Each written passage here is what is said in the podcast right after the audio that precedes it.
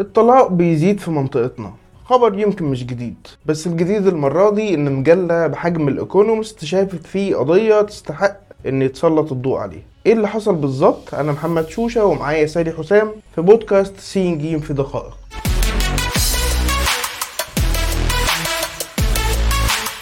سيرتنا بقت على كل ثانية سالي ها؟ إزاي بقى يعني الإيكونومست مثلا سابت ال- الاقتصاد اللي بينهار وجت تركز على قضية محلية زي دي. إيه اللي في الموضوع يستدعي؟ الإيكونومست بالنسبة لها في حاجتين إن الطلاق في المنطقة الناطقة بالعربية بقى بمعدلات أعلى من الغرب تحديدا أعلى من أمريكا. تاني بقى حاجة إن كمان الطلاق بقى قرار الست أكتر من الراجل. إيه ده سالي؟ معلش هو مش المفروض الطلاق في في إيد الراجل ولا ولا في حاجة اتغيرت وأنا معرفش؟ هو صحيح إن الراجل لو قال أنت طالق فالجوازة بتنتهي بس بالنسبة اللي بيحصل دلوقتي إن القرار بقى في إيد الست. بمعنى إن الست هي اللي بترفع قضايا الطلاق أكتر من الرجالة زادت أرقام الطلاق بمعدل الضعف. في بقى في المغرب فالطلاق فيها قدام المحكمة. هناك بقى نص القضايا بيرفعها الستات. يعني زي ما الراجل بيرفع قضايا طلاق فالست بترفع قضايا طلاق. بالنسبة لدول تانية زي لبنان والكويت وقطر والإمارات وغيرهم بقت الطلاق فيها بمعدل التلت. يعني تلت الجوازات بتنتهي بالطلاق. فخلاص الست حتى ما بقتش خايفة من لقب مطلقة. هو بس أنا في نقطة مهمة دلوقتي إن هو فكرة مين اللي بيتعور في الموضوع. يعني في حالة إحنا قلنا الخلع الأول قلنا قانون الخلع اللي هو في الآخر الست هتتنازل عن كل حاجة. بس رحنا بعد كده لرفع قضايا الطلاق اللي هي الست أحيانا هتاخد حقوقها عادي. فمين اللي بيدفع في الموضوع ده؟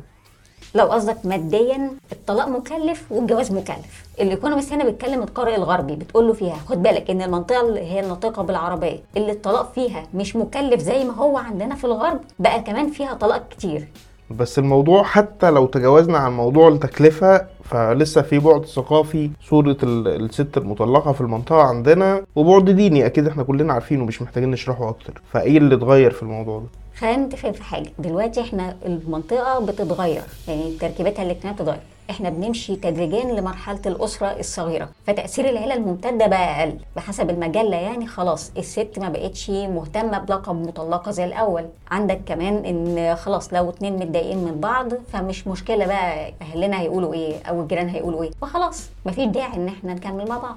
من ناحية تانية بقى الدينية فالشيوخ صحيح هيقعدوا يتكلموا بالطريقة التقليدية العولمة دمرت الأسرة وكده لكن من ناحية تانية الإسلام أصلا ديانة براجماتية من ناحية الطلاق. بمعنى إن خلاص يعني إيه المشكلة اللي يبقى في واحدة مطلقة أو أرملة؟ أغلب زوجات الرسول نفسهم كانوا مطلقات أو أرامل. وكمان خلاص كده يعني الأهم في الحكاية إن في صوت بيعلى بيقول إن عادي المرأة المسلمة تتطلق تتجوز تاني مش مهم. إيه يعني؟